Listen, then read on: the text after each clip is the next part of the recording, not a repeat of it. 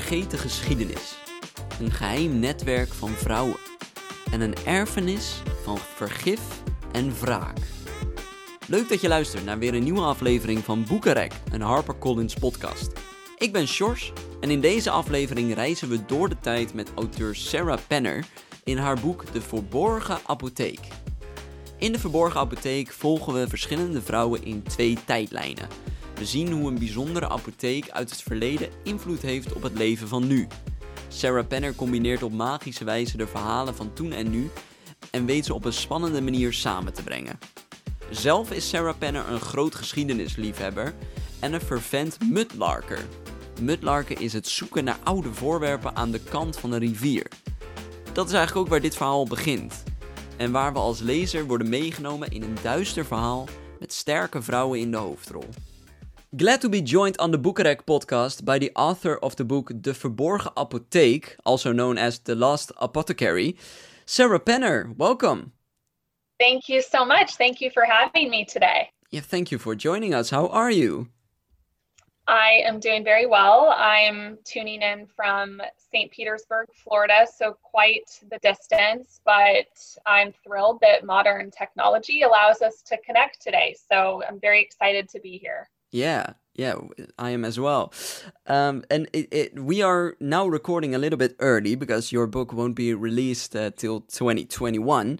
Um, but we're still in, in the year 2020. Um, how has this year been for you so far? So, this year has been interesting to say the least. I think that foremost, um, you know, especially in the spring, March and April, I, I think we were all just worried about our health and what this pandemic means for ourselves and our loved ones. So I definitely felt like earlier this year, I was struggling with creativity and focus. And I think a lot of writers and authors have said similar things. Um, but you know, we've all kind of settled into a routine now, um, whether that's remaining socially distanced or wearing masks. And I think the news has calmed down a little bit in that the reporting that we're seeing is somewhat more trustworthy. So, all of that to say that through the course of the year, a lot of my creative energy and motivation and discipline have returned, which has been really good just me personally. I, uh, you know, The Lost Apothecary comes out in four months. And so there are a number of early promotional type things that I've been doing, lots of Zoom calls and podcasts like this. So it's good to have that healthy energy back. And I've also been trying to lift up a lot of the authors who published their debut novels this year in 2020. So there were a number of people, I'm sure you're aware, whose um, whose book tours and events were canceled or moved virtually. Obviously, our independent bookstores have been really trying to recoup a lot of their lost revenues.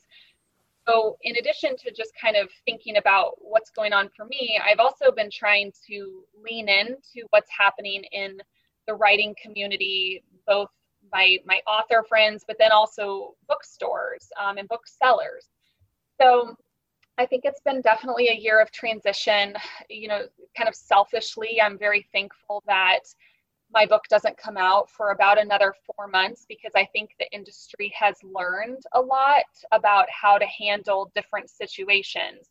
So, for example, how to um, increase the number of people attending virtual events or how to get book sales um, through local independent bookstores with those events.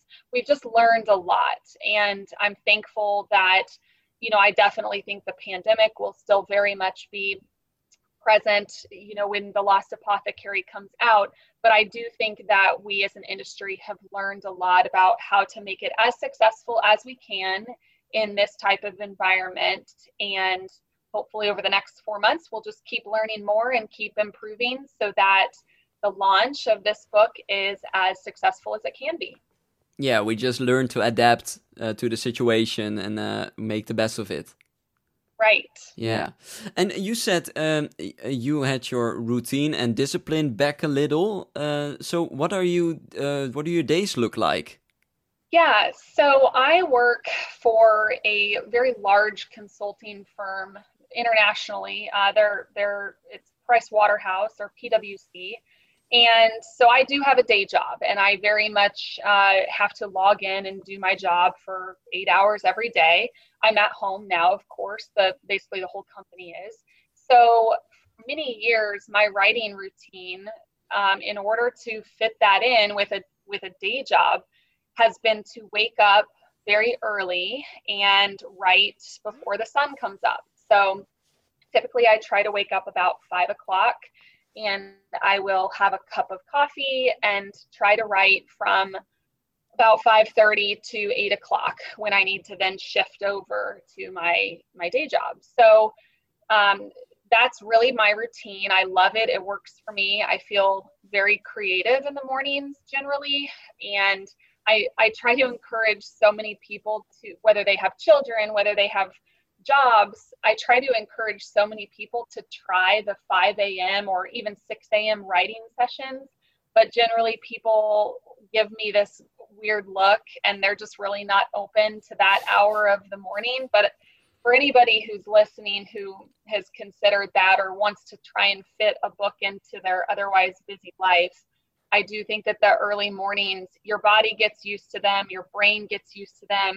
I find that I, w- I wake up on my own about 5 a.m. now, anyways. So that's been kind of my secret, but I do realize that it's difficult for a lot of people. So maybe it takes a lot of discipline in the beginning, but uh, then it's easier. It gets easier uh, as as you, as you do it more often.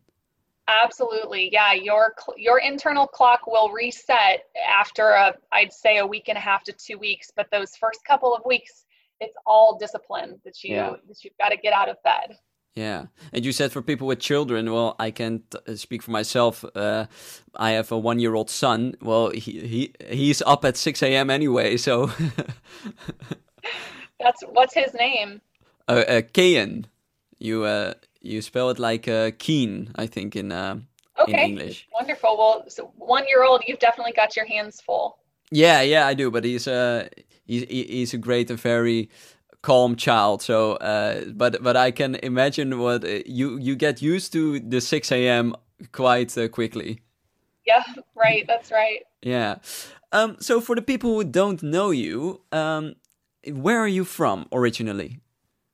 Sure. So I am from Kansas, which is smack dab in the middle of the United States. I was born in essentially Kansas City, which is the northeast part of the state, and then I lived and worked for many years in Wichita, Kansas, which is the south central part of the state.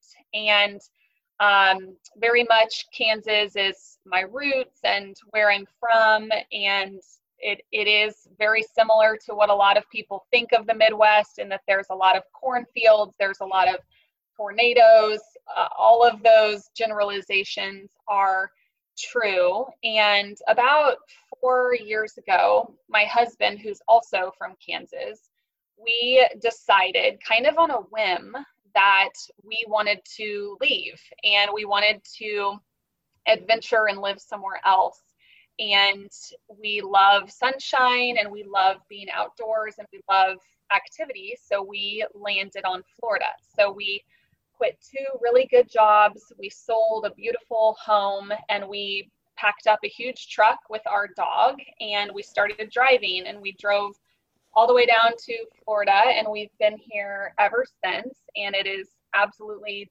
the one of the best decisions I've ever made in my life. I've the sunshine is there's just something very healing and nurturing about it and we're outside almost every single day. So it's kind of funny because we envision ourselves someday living overseas. We don't know where that is.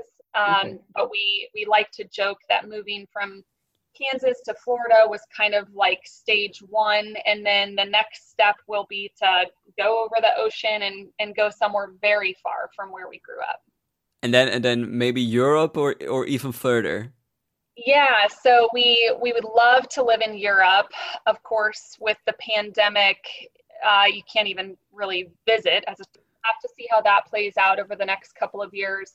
Um, but also last year we went to Thailand and we went to Chiang Mai, and there are a lot of American expatriates living in Chiang Mai, and so we have also kind of dabbled with, you know, maybe somewhere in Asia.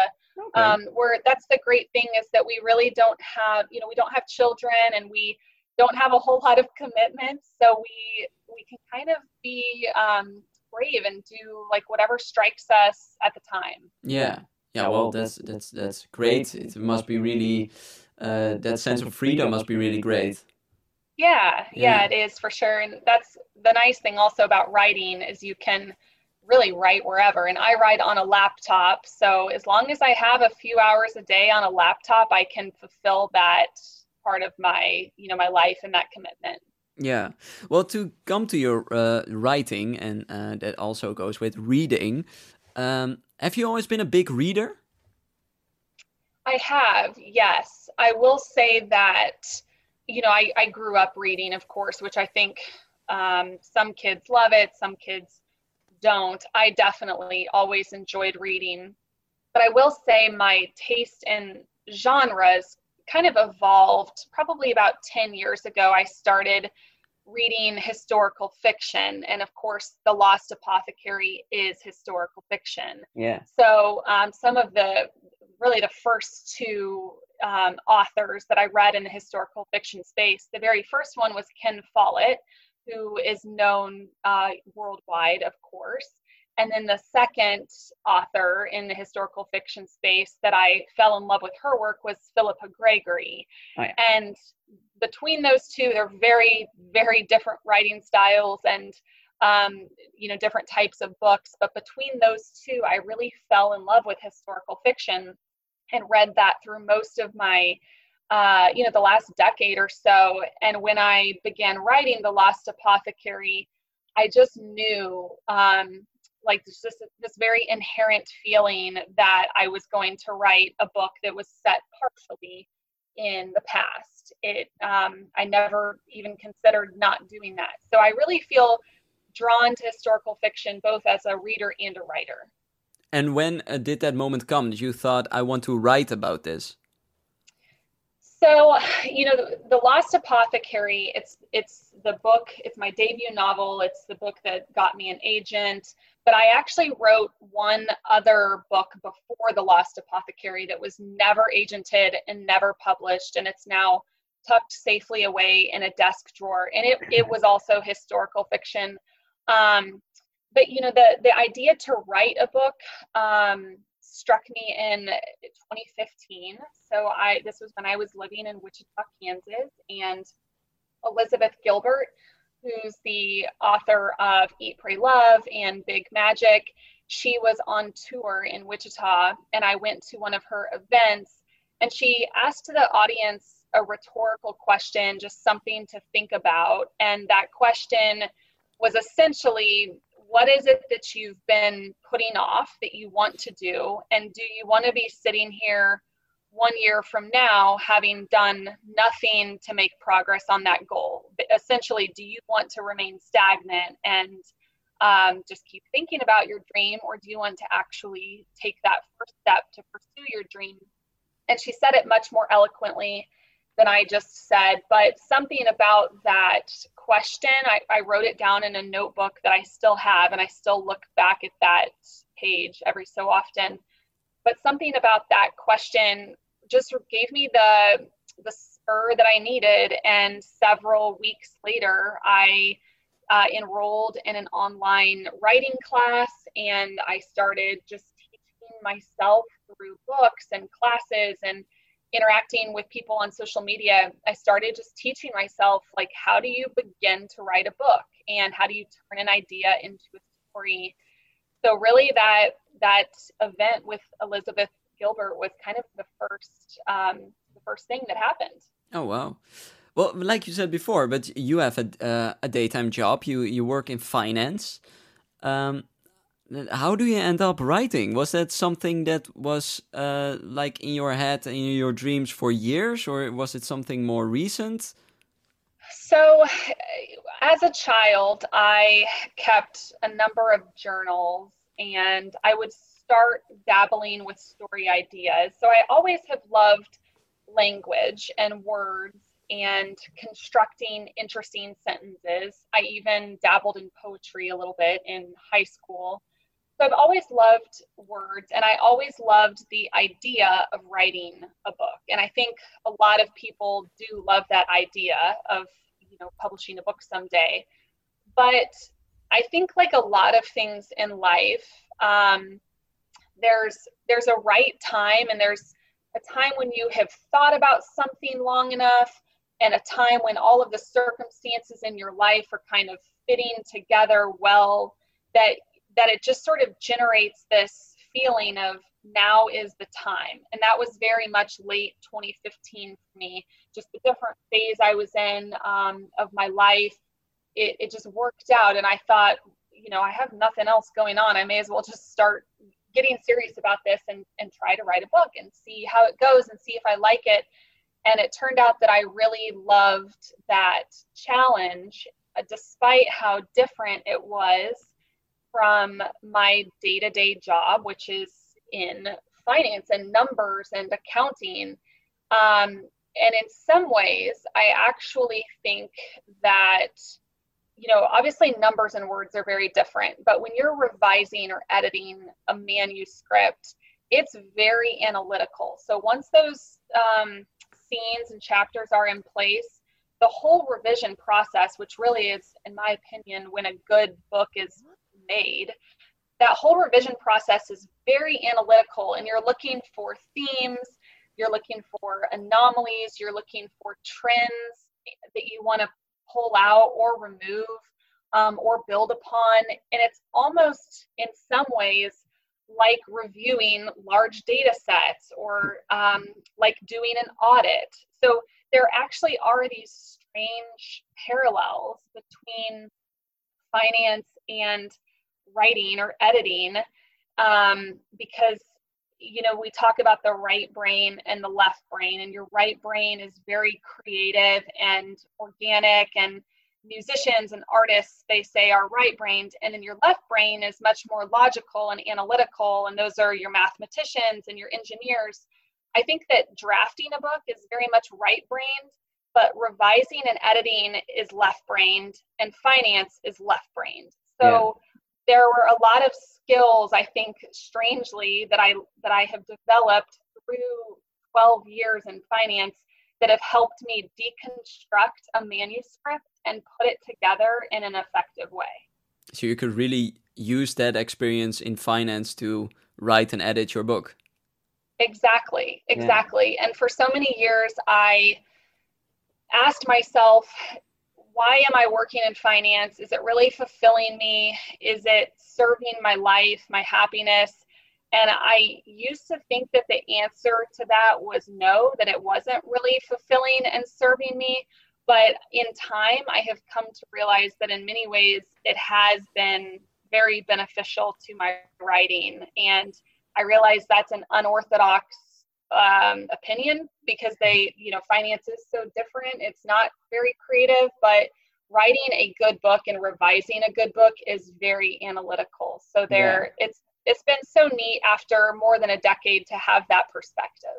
Yeah, I can imagine. But do you consider uh, giving up your work in finance for just starting writing full time? Uh, it's a very timely question. So I am going to be taking a leave, a 12 week leave from my day job after the first of the year, primarily to promote the Lost Apothecary and do some volunteering, possibly some uh, local travel, and work on my next book. Um, and I'm also going to use that time off to do some soul searching and try to decide if I want to go back to my job in April. And my job is going to be waiting for me. So, really, it's just my decision. And yeah. I'm hoping that I, I have some clarity during that time off about what the next step or phase of my life is going to look like. It's really nice you have that option to to just explore what you would like. Exactly. I'm very thankful to my employer that they're giving me the time off and they've been so supportive from day one of my kind of personal personal endeavors. Yeah. Um just then to get uh, to the book without spoiling it, uh, of course. Uh, but The Last Apothecary, uh, you said it's historical fiction. Um, yeah, it, can you tell me something about it? I can explain something, but uh, I would much rather like for you to explain it. Yeah, definitely. So The Lost Apothecary is dual timeline. So half of the book takes place in 18th century London, and half of the book takes place in present day London. And it tells the story of a woman, an apothecary, and she's the historical character, and she sells well disguised poisons to women who are seeking vengeance on the men who have wronged them. And present day, my character goes mudlarking on the River Thames and she finds a small apothecary vial and she soon suspects that she has identified the culprit in these never solved apothecary murders that haunted London 200 years earlier.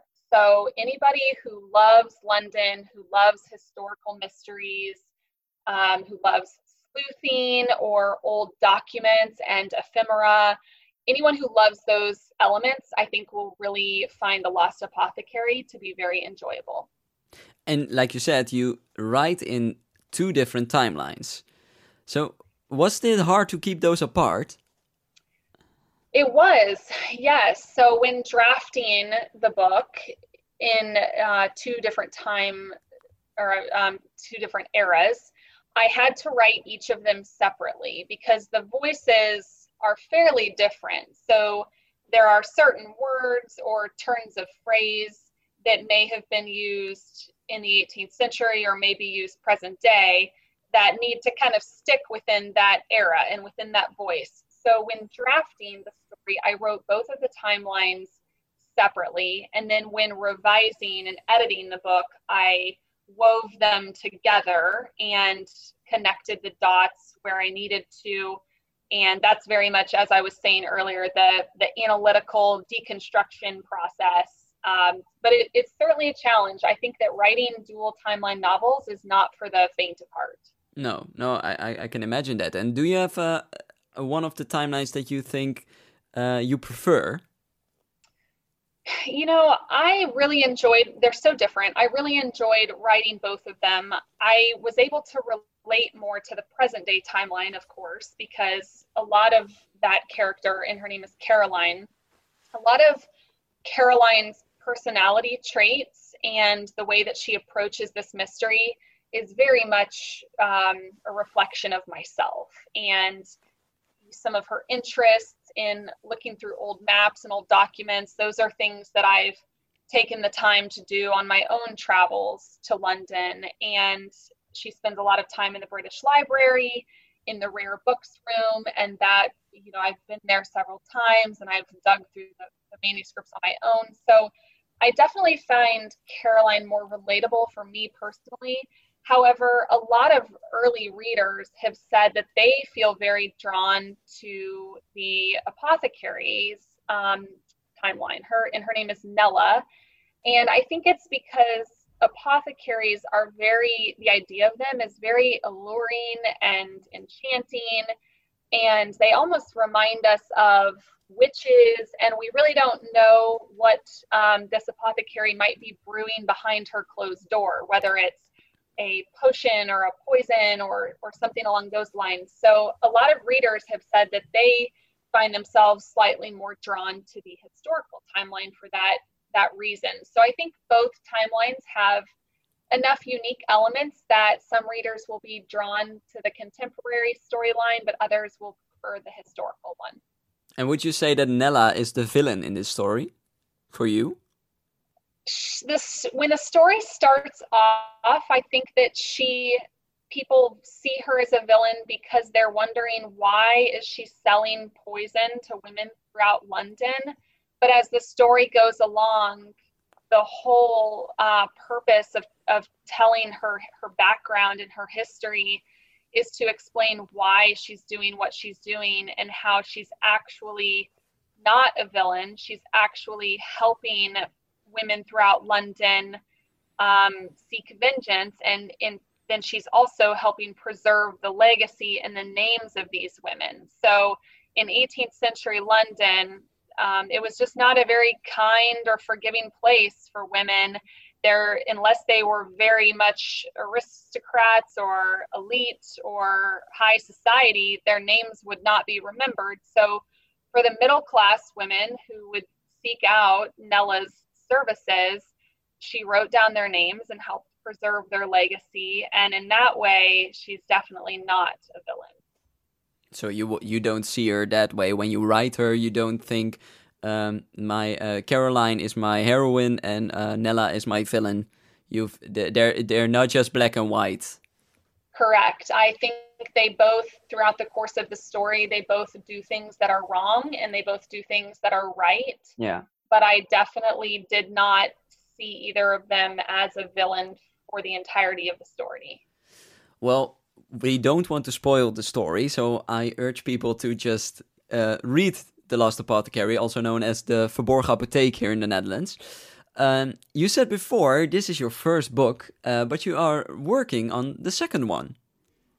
Yes, I uh, it I just so it's late October when we're recording this, and I just a couple of weeks ago sent my next manuscript over to my agent. I have not heard back from her yet. She had a few manuscripts in queue to read before mine. So we'll see what she thinks. And um, if she loves it, wonderful. We'll probably start revising that together. And if she doesn't love it, then I, I have another idea in the works as well. Okay. And is it uh, a, a, really uh, a, a follow up to the Lost Apothecary, or is it just a standalone story? It's a standalone story. Um, it is, however, another dual timeline historical mystery. And I, I'm very much drawn to stories like that. And, uh, but it is a standalone. Now, that said, several people have said that they are interested in knowing what happens to one of the characters at the end of The Lost Apothecary.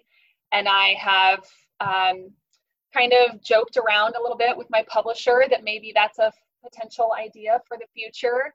So I think, you know, we'll see how the Lost Apothecary does and probably make that decision at a later date.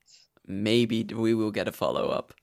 I hope so. I hope yeah. so. There's a lot of story left to tell for for one character in particular. So I would love that opportunity. Yeah. Well, till then, uh, again, I uh, urge people to just read The Last Apothecary because it's an amazing uh, new uh, book and it's really exciting and, uh, like you said, very mysterious.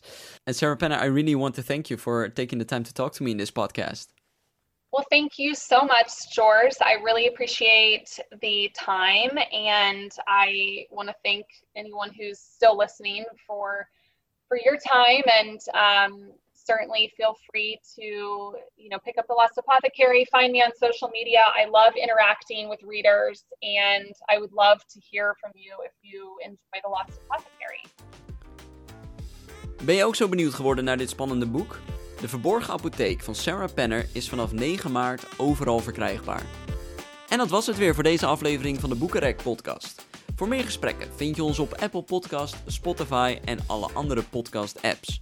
Ik hoor ook heel graag van jou als luisteraar wat je van de podcast vindt en welke auteur je nog eens zou willen horen. Je kunt dit sturen naar info@harpercollins.nl. Bedankt voor het luisteren. Ik wens je een hele fijne dag. Blijf thuis, blijf gezond en blijf vooral lekker lezen. Tot de volgende keer.